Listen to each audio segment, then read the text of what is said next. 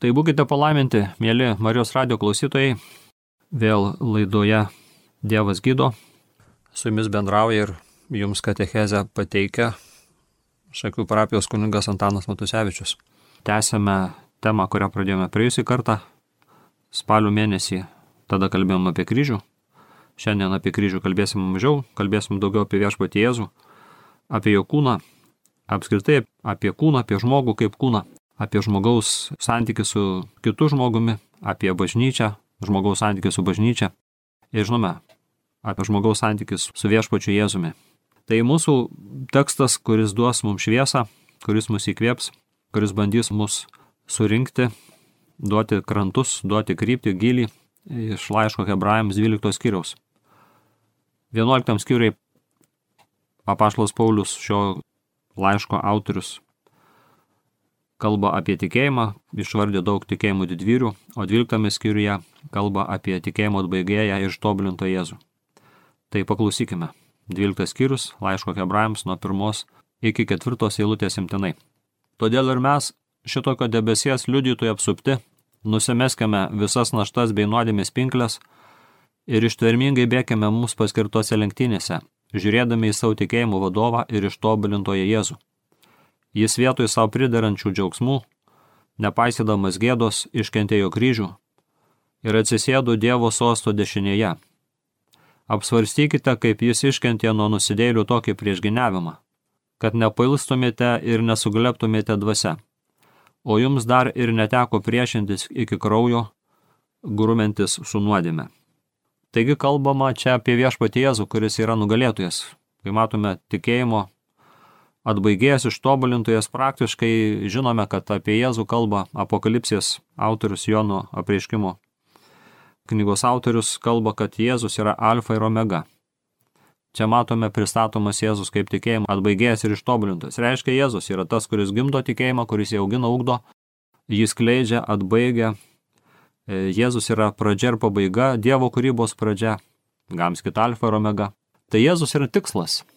Jėzus yra mūsų laimės šaltinis, mūsų laisvės šaltinis. Jėzus, kaip pats apie save kalbėjo Jono Evangelijoje, yra kelias tiesa ir gyvenimas.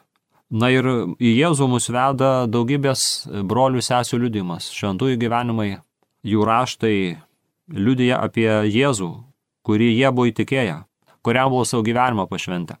Tai vad už tai ir mums svarbu įsižiūrėti Jėzų, labai svarbu sekti juo. Galima sakyti, Jėzus bėgo į Jeruzalę, nes evangelistas Lukas pabrėžia, kad Jėzus nuo 9 skyriaus beros 52 eilutės ryštingai nukreipė savo žingsnius į Jeruzalę ir tada mokiniai ir galbūt ne tik mokiniai stebėjosi, kur jisai taip skuba, kuris čia dabar taip eina, kodėl čia taip ryštingai tą Jeruzalę keliauja.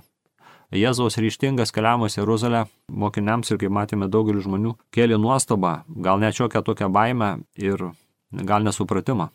Tai pirmojoje eilutėje mes esame raginami įsižiūrėję į daugybę tikėjimų liudytojų, arba tiksliau sakant, įsijungę į jų būrį, nusimesti visas naštas bei nuodėmės pinklės. Nusimeskime visas naštas bei nuodėmės pinklės. Ir tikėjimas, apie kurį čia kalba laiško hebrajams autorius, jeigu paimsime 11 skyrių, tai duodamas tarsi tikėjimo apibrėžimas, aš pacituosiu tą 11 skyrių. Tikėjimas laiduoja mus tai, ko vilėmės, įrodo tikrovę, kurios nematome. Reiškia, tikėjimas yra kaip laidas, kuris mums garantuoja nematomus dabar dalykus, bet kurie yra labai realūs. Ir esame kviečiami būti tikėjimo vyrai ir tikėjimo moterys. Ir manau, kad e, turi tam tikrą sąsają su šiandien mūsų nagrinėjimu tekstu. Vienas pasakojimas iš e, sinoptikų evangelijos randamas, konkrečiai Morkaus evangelijoje, atrodo, kad 11 skyriuje apie aklą Elgetą Bartimėjų, kuris sėdėdavo prie kelio ir užsidirbdavo pragyvenimu, jeigu tai galim pasakyti, rinkdamas išmaldą.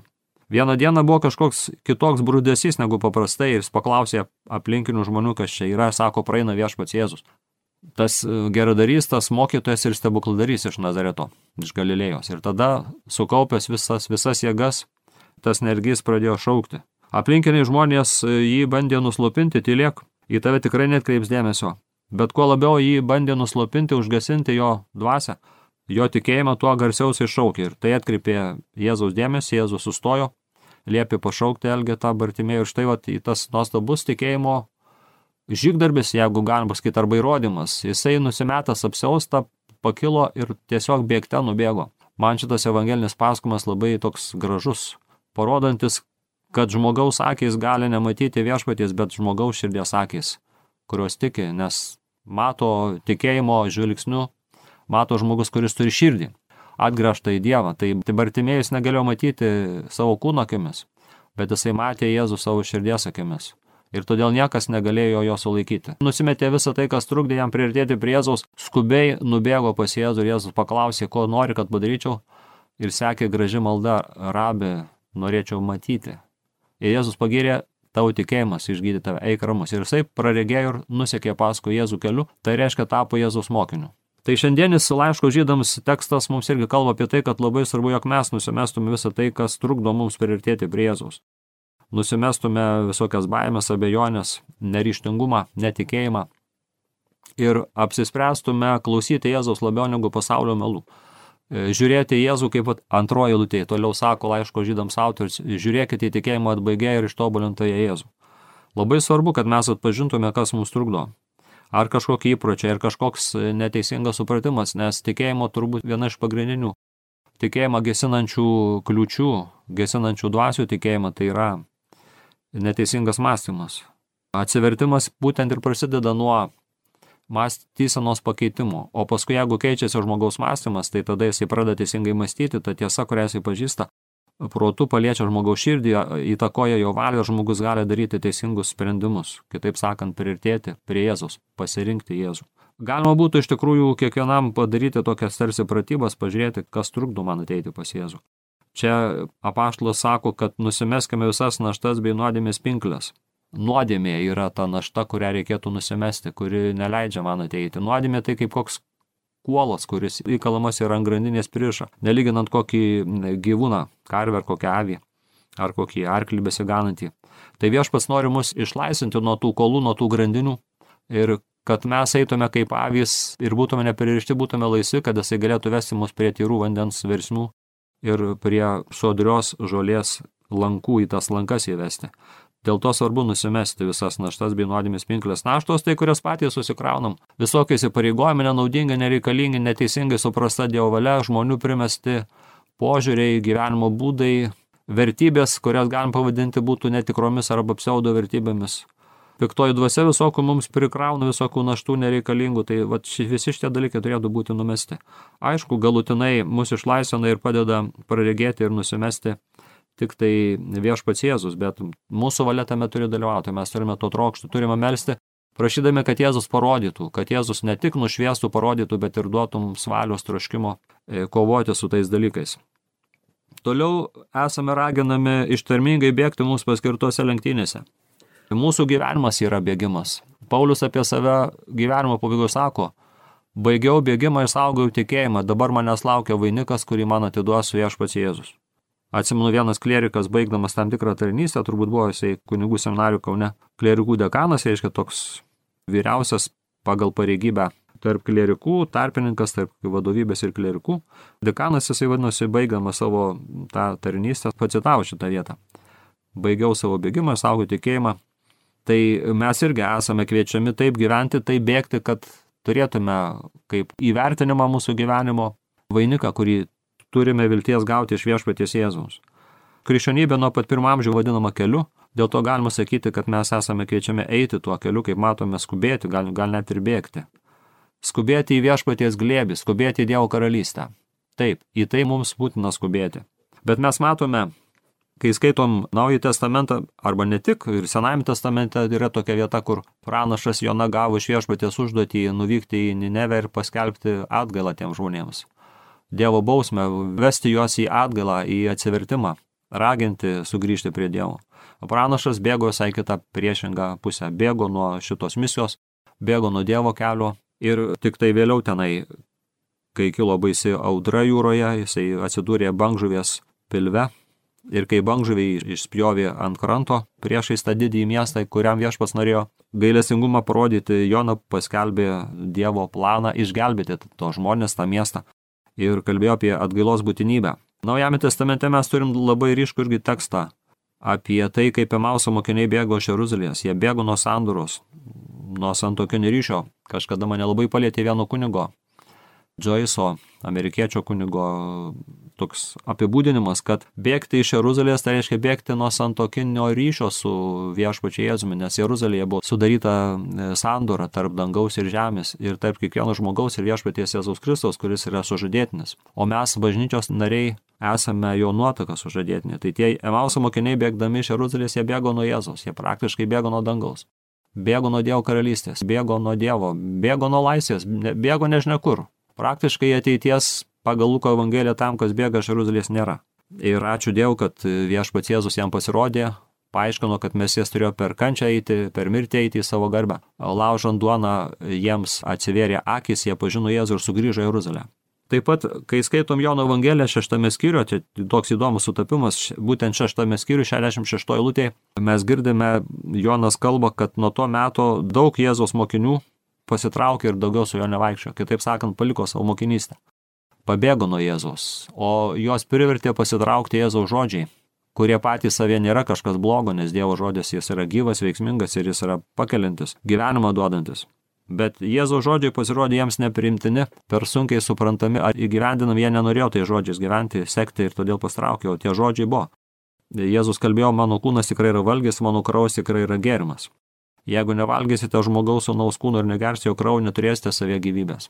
Tai Jono Evangelijos šeštas skyrius kalba apie Eucharistę, ten apie duonos padauginimą gražiai kalba, ten Jėzaus kalba apie gyvąją duoną, savė Jėzus pavadina gyvąją duoną. Matome, kad tas Jėzaus pamokslas, tai, kad Jėzus tapo gyvąją duoną, valgoma, laužoma ir kuri duoda gyvenimą, kai kuriems mokiniams pasirodė neprimtinas, nesuprantamas.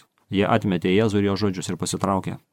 Tai galėtume mes kiekvienas klausti savęs, ar aš niekuomet nebėgu nuo Jėzaus, ar tikrai mano kryptis į Jėzų, ar tikrai mano kryptis į Dievo valią, ar tikrai aš bėgu tose tikėjimo lenktynėse, įsižiūrėjęs į savo tikėjimo atbaigėją ir mokytoją Jėzų. Nes būtent toliau mes esame kviečiami žiūrėti į savo tikėjimo vadovą ištobulintą Jėzų. Ir Jonas Paulius II, kurį aš kartais mėgstu cituoti šitą vietą, yra viena iš mėgstamiausių. Man toks kaip tarsi testamentinis palinkėjimas bažnyčiai, Sako, kontempliuokite viešpaties Jėzaus veidą. Ir kai Jėzus buvo nukryžiuotas, mes žinome, kad Jonas Evangelistas parašė tokias eilutes, kad jie žiūrėjo į Jėzų, bet žiūrėjo iš tolo. Ir ten kažkuris pabrėžia, atrodo, kad Jonas Evangelijoje pabrėžia, kad taip išsipildė raštas, nes kažkur Senajame testamente buvo parašyta, turbūt kažkuris pranašas ar psalmė, reiktų patikslinti kalbą apie tai, kad jie žiūrės į tą, kurį perdurė. Tai štai, mes esame kviečiami kontempliuoti Jėzų nukryžiuotą kuris yra Dievo galybė ir Dievo išmintis, kuris yra gyvybės šaltinis, Jėzus, perdurtas Jėzaus žonas, iš kurio trykšta gailestingumas ir ta gyvybė visiems sakramentam visam mūsų gyvenimui, dabartiniam ir amžinajam. Nes jeigu neprimam nukryžiuoto Jėzaus, netikim, kad jis mus atpirko, sutaikė ir atėjo mūsų dangų per savo kančią mirtį, mes negalim turėti gyvenimo. Todėl mums labai svarbu įsižiūrėti nukryžiuotą Jėzų. Nes ant kryžiaus gimsta bažnyčia, vyksta sandora, netgi santoka, aišku, mistinė, dvasinė santoka tarp Kristaus ir bažnyčios. Kryžius tai tarsi vestuvių guolis, kuriame e, Kristus ir jo nuotaka bažnyčia tampa vienas kūnas.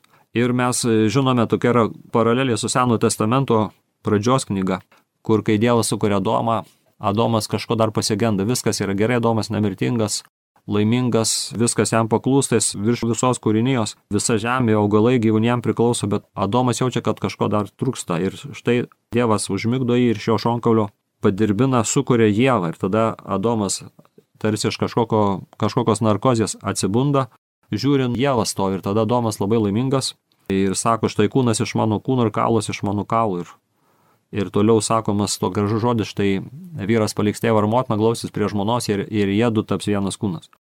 Tai štai mes matome, kad Adomas ir Jėva neįvykdė jų pašaukimo, neįvykdė tos misijos, kurią Dievas jiems buvo patikėjęs, pasirinkti teisingai visų būsimų palikonių vardu. Jie pasirinko neteisingai, e, pasirinko maištauti prieš Dievą, tikėti labiau velnio, žalčio klasta, o ne Dievo žodžiu. Ir taip užtraukė pasmerkimą prakeikimą.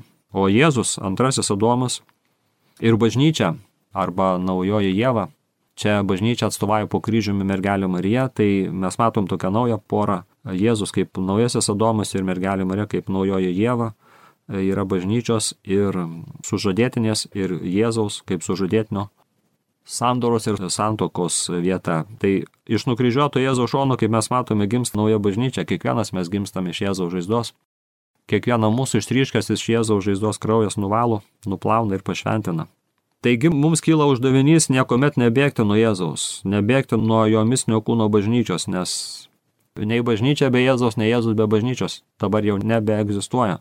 Gam sakyt, kad Jėzus ir bažnyčia yra vienas kūnas, viena dvasia. Tai yra viena. Aišku, mes galime atsiskirti nuo Kristaus, nuo bažnyčios, tai padarome savo norų, kai padarome sunkia nuodėmę. Bet suprantame, kad Jėzus ne tam mirė, kad žmonės nuo jo atsiskirtų, kaip tie mokiniai anuomet dykumoje po Jėzaus duonos padauginimo stebuklo. Ne tam Jėzus įsteigė savo kūno ir kraujo sakramentą ir taip pat bažnyčią, ne tam mums atleido nuodėmės krikšto metu kad mes pabėgtume, atsiskirtume, kad mes būtume susipriešinę tarpusavėje. Jėzus trokšta, kad mes būtume vienas su juo ir vienas su broliais esmės. Kad per Eucharistiją vienydamėsi su Jėzumi mes iš tikrųjų išgyventume ir tą vienybę, tokią misnę dvasinę, bet labai tikrą, tikrą realią vienybę ir su misniu Kristaus kūnu arba visais pakrikštytais ir su konkrečia dalinė bažnyčia, kurioje mes švenčiame Eucharistiją. Toliau Paulius sako, kad esame kviečiami žiūrėti į savo tikėjimo vadovą ir ištobulintoje Jėzų, Tai žvilgsnis arba kontempliacija labai svarbu. Žiūrėti su tikėjimu, matyti dvasiniu žvilgsniu tai, kas vyksta, ypatingai Euharistijoje arba švenčiant sakramentus. Mes galim prisiminti, kaip vienas arsų parapietis dažnai sėdėdavo tušioje bažnyčioje ir vieną kartą neapsikentęs kunigas klebonas paklausė savo tą parapietį, ką tu čia darai. Nieko sako, aš žiūriu į jį, tai reiškia Jėzų, švenčiausiai esantį, o jisai sako, žiūri į mane. Man atėjo toks suvokimas, kad mes iš tikrųjų esame kviečiami prisiliesti prie Jėzaus.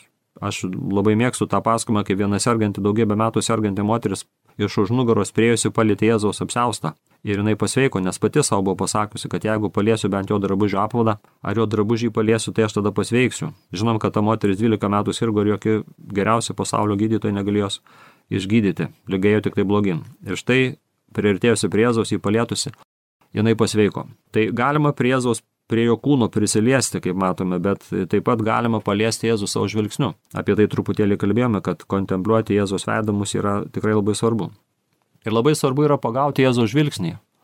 Nes Jėzus į mus žvelgia. Kartais mes bijome pakelti savo žvilgsnį ir pažiūrėti į viešpatį Jėzų, bet ypatingai man atrodo, kad čia svarbus momentas, kada vyksta konsekracijos vyksmas, vyksta konsekracija arba smėkaita šventų mišių metu, kad mes visi su tikėjimu žiūrėtume į duoną, kurią pakelia kunigas, reiškia Kristaus kūną, ir vyną, vyno taurę, kurią pakelia kunigas viešam pagarbinimui, žiūrėtume su tikėjimu.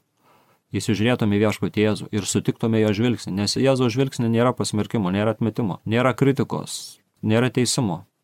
Jėzus į mus žvelgia laimindamas, Jėzus į mus žvelgia primdamas. Tai yra gyvybę, meilę ir saugumą. Žmogus kleidžiantis žvilgsnis, žmogus statantis, gydantis žvilgsnis, drąsinantis žvilgsnis, tiesiog šaukiantis gyvenimui, gyvenimo pilnatai žvilgsnis. Dėl to mums labai svarbu įsižiūrėti į viešpatį Jėzų, liesti Jėzų savo žvilgsniu.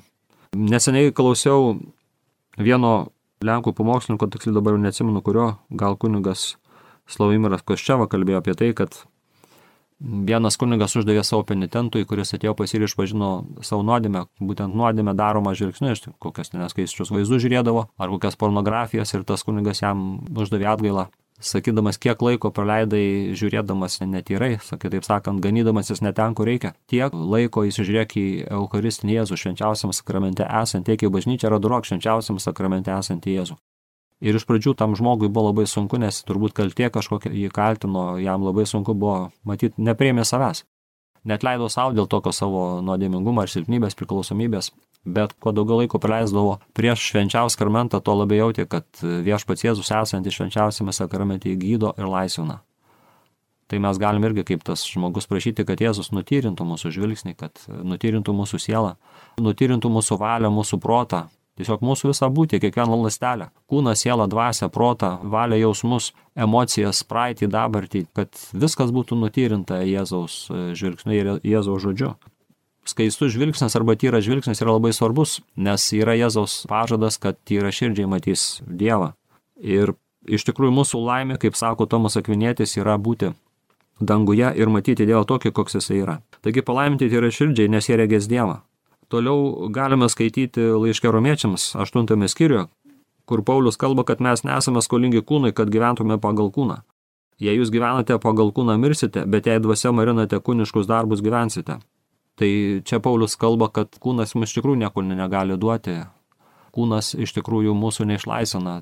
Žmogiškas kūnas, Dievui besipriešinantis, nuodėmingas kūnas. Tikrai mums nieko neduoda ir pasaulis, kuris nuodėmingas, piktoje pavertas, tikrai mums nieko negali duoti. Bet šventas Jėzaus kūnas ir misnis Kristaus kūnas bažnyčia mums duoda išganimą ir gyvenimą. Dėl to mums labai svarbu vienytis būtent su šito viešpaties Jėzaus kūnu. Pirmame laiške korintiečiams 15 skyriuje 50 eilutėje Paulius irgi kalba, kūnas ir kraujas nepaveldės Dievo karalystės ir kas genda, nepaveldės to, kas negenda. Dėl to mums labai svarbu, kai pradžioj pirmoji lūtė matėme bėgti, ryštingai bėgti nuo nuodėmės ir atgręžti savo žvilgsnį, savo širdį, troškimus ir savo žingsnius ir savo protą ir valią, tiesiog visą savo esybę atgręžti į Jeruzalę. Kartu su Jėzumi eiti į Jeruzalę nes Jėzus kalbėjo, nedėra pranašai mirti kažkur kitur, bet ne Jeruzalėje. Kai kalbame apie kūną, tai šiandien kūnas iš tikrųjų labai dažnai pervertinamas arba sureikšminamas, kūnas labai dažnai statomas į pirmą vietą ir sveikata jaunystė labai pabrėžiama, pervertinama ir kūniški visokie malonumai, nuodėmės ir girdime apie tai, kad net labai jauni žmonės per tas kūno nuodėmės eina į savęs sunaikinimą. Aišku, jauni žmonės labai dažnai išnaudojami, čia net ir bažnyčiai pasitaiko tuo atveju, skausmingų ir tragiškų, labai žaidžiančių, žalojančių žmonės. Kalbam apie bažnyčios tarnų klaidas ir nuodėmės, bet e, iš tikrųjų galima sakyti, kad labai svarbu, jog kiekvienas žmogus ir ypatingai tėvai perduotų vaikams teisingą požiūrį, bažnyčios mokymą apie žmogaus kūno šventumą, apie tai, kad žmogus negali savo kūną atiduoti, bet kam ir bet kada kad neturėtų ieškoti malonumų, neturėtų pataikauti kūnui, nes matome, kad tai veda į mirtį. Tai kai girdime tokius visokius dalykus apie tai, kad nepilnametės, net mažametės pastoja tampa nešiomis, mes iš tikrųjų matome, kad čia didelis nesupratimas, didelė sumaištis šio laikinio žmogaus mąstymė ir šio laikinio žmogaus pasirinkimuose. Man atėjo toks suvokimas, kad labai svarbu, jog kiekvienas iš tikrųjų brangintų savo kūną, pripažintų, kad tai yra šventosios dvasios šventovė, ir dėl to neturėtų įsileisti į savo kūno šventovę anksčiau laiko kito žmogaus.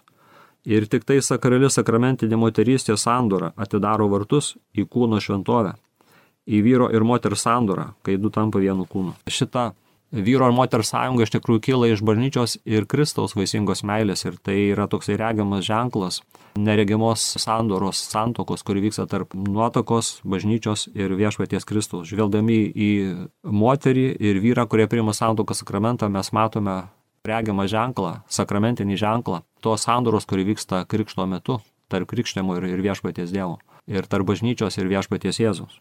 O jeigu kalbėsime apie tai, kad svarbu subręsti ir pasiruošti jam visokiams dalykams, ir santykių su viešpačiu, ir santykių su kitais žmonėmis, ir, ir santokai, tai radau žodį tarp mūsų šių metų spalio 31 dienos tokias gražias mintis.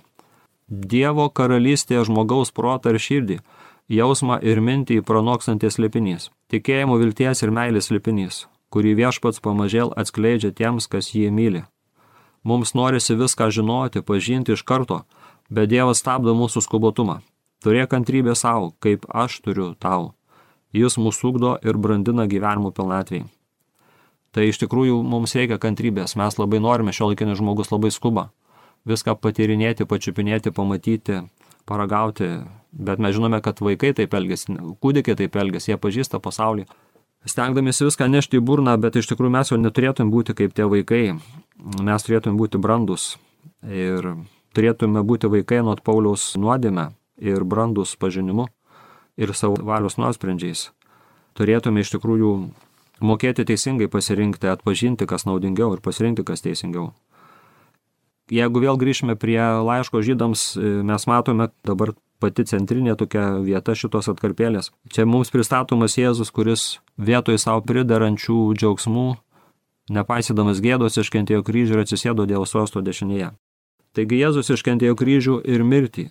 Jėzus įgyvendino tikrą taiką ir Jėzus iš tikrųjų, kai matome ant kryžiaus, jisai prisėmė visas mūsų nuodėmės, nes buvo nukryžiuotas visiškai nuogas. Tik paskui koks žmogus ar moteris ar vyras pridengė Jėzus kraiste. Bet iš tikrųjų tai Jėzus e, buvo tikrai labai negražus, kaip iliustruoja kryžius, kurį pasirinko savo pontifikato metu nešti popiežius Jonas Paulius. Izaijas pristato tą kenčiantį Dievo tarną, tai reiškia Jėzų, apie jį čia ta pranašystė Jėzų įsipildžiusi, kaip tą, kuris negražus prieš kurių įsidengiam veidą. kuris suglebęs dėl nuodėmių naštos, kurią susikrojo savo ant pečių. Vat įsižiūrėkime tą Jono Paulius e, kryžių ir matysime, kokia didelė meilė. Netgi tam tokiam suglebusiame, neišvaizdžiame Jėzuje, kuris pasidarė tarsi negražus, bet turbūt tikrasis grožis čia ir yra, nes čia yra didžioji meilė, o nieko gražesnio už meilę negali būti. Tai mes matome, kad iš tikrųjų Jėzus iškentėjęs gėdą atvėrė mums visiems vartus ir nuo mūsų nuėmė pašalindamas tą nuodėmės gėdą, parodydamas mūsų grožį. Iš tikrųjų Jėzus reabilitavo visą nuodėmę subjaurotą grožį tiek žmogaus kūno, tiek žmogaus vidinį grožį. Dėl to mums labai svarbu įsižiūrėti į viešpatį Jėzų, kuris, kaip matome, yra tikros ramybės nešėjas. Iškentėjęs kryžių ir mirtį Jėzus įgyvendina tikrą taiką, tai vadinama Paks Kristi. Antikos pasaulio Romos laikais, Jėzaus laikais buvo labai vertinama ir Romai gyvendino taip vadinamą Paks Romaną, Bet tai buvo tik tai karo nebuvimas, tai nebuvo tikroji ramybė, tai nebuvo tikroji sandūra tarp žmonių ir nebuvo tikroji sandūra tarp Dievo žmogaus. Tik Jėzus įgyvendina teisingą taiką, tikrą taiką tarp žmonių, tarp valstybių ir tarp e, žmogaus ir, ir dangaus. Kristaus ramybė yra visa apimanti ir tobula. Ir noriu paskaityti labai aktualų tekstą, kuris buvo parašytas Gaudium Espes antro Vatikanų susirinkimo dokumente pastoracinė konstitucija apie bažnyčią šiuolaikinėme pasaulyje 78 numeris. Paklausykime. Taika yra vaisius tvarkos, kurią žmonių visuomeniai įdėgė dieviškas įsteigėjas ir kurią turi įgyvendinti vis tobulesnio teisingumo trokštantys žmonės. Taika žemėje gali būti pasiekta vien tuo met, kai laiduojama asmenų gerovė ir žmonės, pasitikėdam vienas kitu, laisvai dalyjasi turimais širdies ir proto turtais. Tai, kai kurti būtinai reikalingas tvirtas noras gerbti kitus žmonės ir tautas, bei jų orumą ir uolus broliškas ugdymas. Ta taika yra ir meilės vaisius. Meilė teikia ją daugiau negu pajėgia duoti teisingumas. Iš artimo meilės kylanti žemiškoji taika yra Kristaus ramybės, sklindančios iš Dievo tėvo atspindys ir padarinys. Pats įsikūnės sūnus, taikos kunigaikštis, savo kryžiumi visus žmonės sutaikino su Dievu, atsatydamas visų vienybę vienoje tautoje ir viename kūne, sunaikino neapykantą ir prisikelimo išaukštintas paskleidė žmonių širdėse meilės dvasę. Taigi labai gražiai, kai matome kalbą apie Kristaus taiką, kurią viešpats Jėzus atėjo gyvendinti ir kurią jį patvirtino savo krauju ir savo kryžiaus pergalę. Mums labai svarbu taip pat apsvarstyti, kaip Jėzus iškentė nuo nusidėlių tokį priešginiavimą, kad nepalstumėme ir nesugleptumėme dvasia, nes matome, kad net mokiniams, kai atėjo sunkumai išmėginimai, kalba apie mauso mokinius. Ir ne tik juos, kai atėjo Jėzaus valanda, mums išgelbėti per savo kančią, per mirtį. Mūsų išgelbėti ir atidaryti dangų, sutaikyti dangų ir žemę. Buvo labai sunku įstovėti ir suprasti, kokia to viso prasme. Matome tik tai Joną, vienintelį iš visų apaštų stovintį po kryžiumi ir mergelę Mariją ir keletą moterų. Tai dėl to mums labai svarbu apsvarstyti, kas čia vyko ant kryžiaus, kad čia Jėzaus pergalė, kad čia pasaulis nugalėtas, nuodėmė nugalėta, mirtis nugalėta, šietonas didžiausias Dievo ir visos kūrinijos ir žmogaus priešas nugalėtas. Labai svarbu mums žiūrėti į viešpatį Jėzų ir atnaujinti savo mąstymą. Tai norėčiau vėl paskaityti iš to paties dokumento Gaudimės PES 82 numerį. Tame dokumente įvertinamas ir valstybių vadovų vaidmuo, siekiant tautų ir valstybių gerovės, o taip pat ir taikos. Tačiau tuo pačiu metu pabrėžiama, kad nieko nepadės jų pastangos kurti taiką, kol žmonės tebe skaldo ir tarpusavėje kiršina priešiškumo, panikos ir nepasitikėjimo jausmai, rasinė nepykanta bei ideologinis susispyrimas. Todėl nepaprastai reikalingas atnaujintas dvasios auklimas ir naujas viešosios nuomonės formavimas apie naują atnaujintą dvasios auklėjimą galima būtų pasakyti tiek, kad tai yra pagrindinė ir bažnyčios, ir mokyklos, ir bet kurios visuomenės, visuomenės organizacijos paskirtis, bet kai kalbam apie auklėjimą, ugdymą, mes matome, kad nei tėvai, nei mokykla, gal bažnyčia iš dalies, kiek jinai gali, ne dėl savo kalties, nes bažnyčia labai dažnai bandoma įstumti į paraštę ir tiesiog nepatikėti jaunosios kartos ugdymo tokį pasaulio sprendimą, tokį pasaulio elgesį su bažnyčia mes pastebėm ir turim dėl to apgailestauti. Tai mes matome, kad reikalingas atnaujintas auklėjimas ir ugdymas ir naujas viešos nuomonės formavimas. Ne politkorektiška turėtų būti tas formavimas viešasis.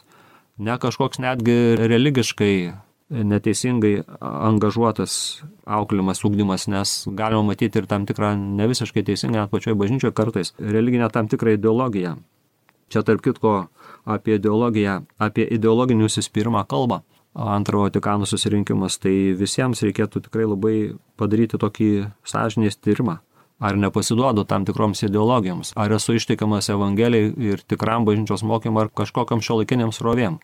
Nes kartais būna labai sunku susigaudyti tuose dalykuose. Tai kai matome, nukryžiuotas Jėzus mums kalba apie vertybės ir apie tai, kaip svarbu būti tokio nusistatymo kaip jis. Ir bažnyčia nuolatos turi atsinaujinti ir pati atsinaujindama iš tikrųjų duoda galimybę atsinaujinti pasaulį. Nes Jėzus viską kuria ir daro naują. Jėzus darbuojasi, nes jų tėvas darbuojasi. Toliau kalba laiško žydams autorius apie tai, kad svarbu mums ruoštis kovai iki kraujo, nors sako, dar iki šiol neteko kovoti priešintis iki kraujo, grūmintis su nuodėme. Ir kai kalbame apie kovą su nuodėme iki kraujo, man ateina toks suvokimas, nežinau, čia mano toks asmeninis suvokimas, nenoriu sakyti, kad čia yra kažkas tokio labai išmintingo ar, ar labai aktualaus, bet manau, kad tikrai šiek tiek yra aktualu, nes mes galime matyti. Čia tris tokius pasižymėjau būdus, kuriais veikia nuodėmė šiolkinėme pasaulyje, tai būtent e, demagogija, ideologija, apie kurią minėjome, apie kurią dar popiežius Pranciškus kalbės katekezijai, ir relativizmas. Tai demagogija, kurios yra politikoje labai daug, bet ta demagogija ir į, į visas kitas, net bažnytinės rytis e, skverbėsi. Tai demagogija yra naudos, pripažinimo ir populiarumo e, siekimas, kitaip sakant, populizmas grindžiamas apgaulė, melagingais pažadais, meilikavimu, samoningų faktų iškraipimu, kritikos slopinimu, teisingos informacijos nutilėjimu. Na ir to populizmo, žinom, kiek daug yra politikoje, bet man labai liūdna pastebėti, kad to populizmo labai daug yra bažnyčioje, nes net mes kunigai kartais bijome sakyti tiesą, bandome sakyti sušvelnintą tiesą, pritaikytą žmonėms, nes jaučiame, kad jeigu kalbėsime tiesą, būsime neprimti, galbūt šiek tiek persiekiami. Bet šiandien mes matome, kad bažnyčia yra pašaukta sekti savo mokytojų Jėzumi ir kiekvienas bažnyčios narys yra kviečiamas sekti savo mokytojų. Jėzus sakė, jeigu perskioju mane, perskios ir jūs, jeigu klausė manęs, klausys ir jų. Tai labai svarbu atpažinti tuos demagoginius reiškinius pasaulyje, politikoje, net kaip matom ir bažnyčioje, ir pasipriešinti, nepasiduoti provokacijoms, nepasiduoti melo ar savanaudiškumo, to gudrumo apraiškoms, kurių tikrai mūsų laikais nemažai yra. Antras, kaip sakiau, nuodėmės pasireiškimas per ideologijas. Apie ideologijas kalba dabartinis popiežius Pranciškus, paklausykime jo mintį. Fratelli tuti, jo dokumente kalbam apie tai. Kai ideologijos vardu žmonės siekia išstumti Dievą iš visuomenės, jie galiausiai imasi garbinti stabus. Ir netrukus žmogus praranda save paminamas jo orumas, pažeidžiamos jo teisės. Jūs gerai žinote, prie kokio žiaurumo priveda sąžinės ir religijos laisvės atimimas ir kaip tokia žaizda gali radikaliai nuskurdinti žmoniją, nes ji netenka vilties ir idėjinių orientyrų.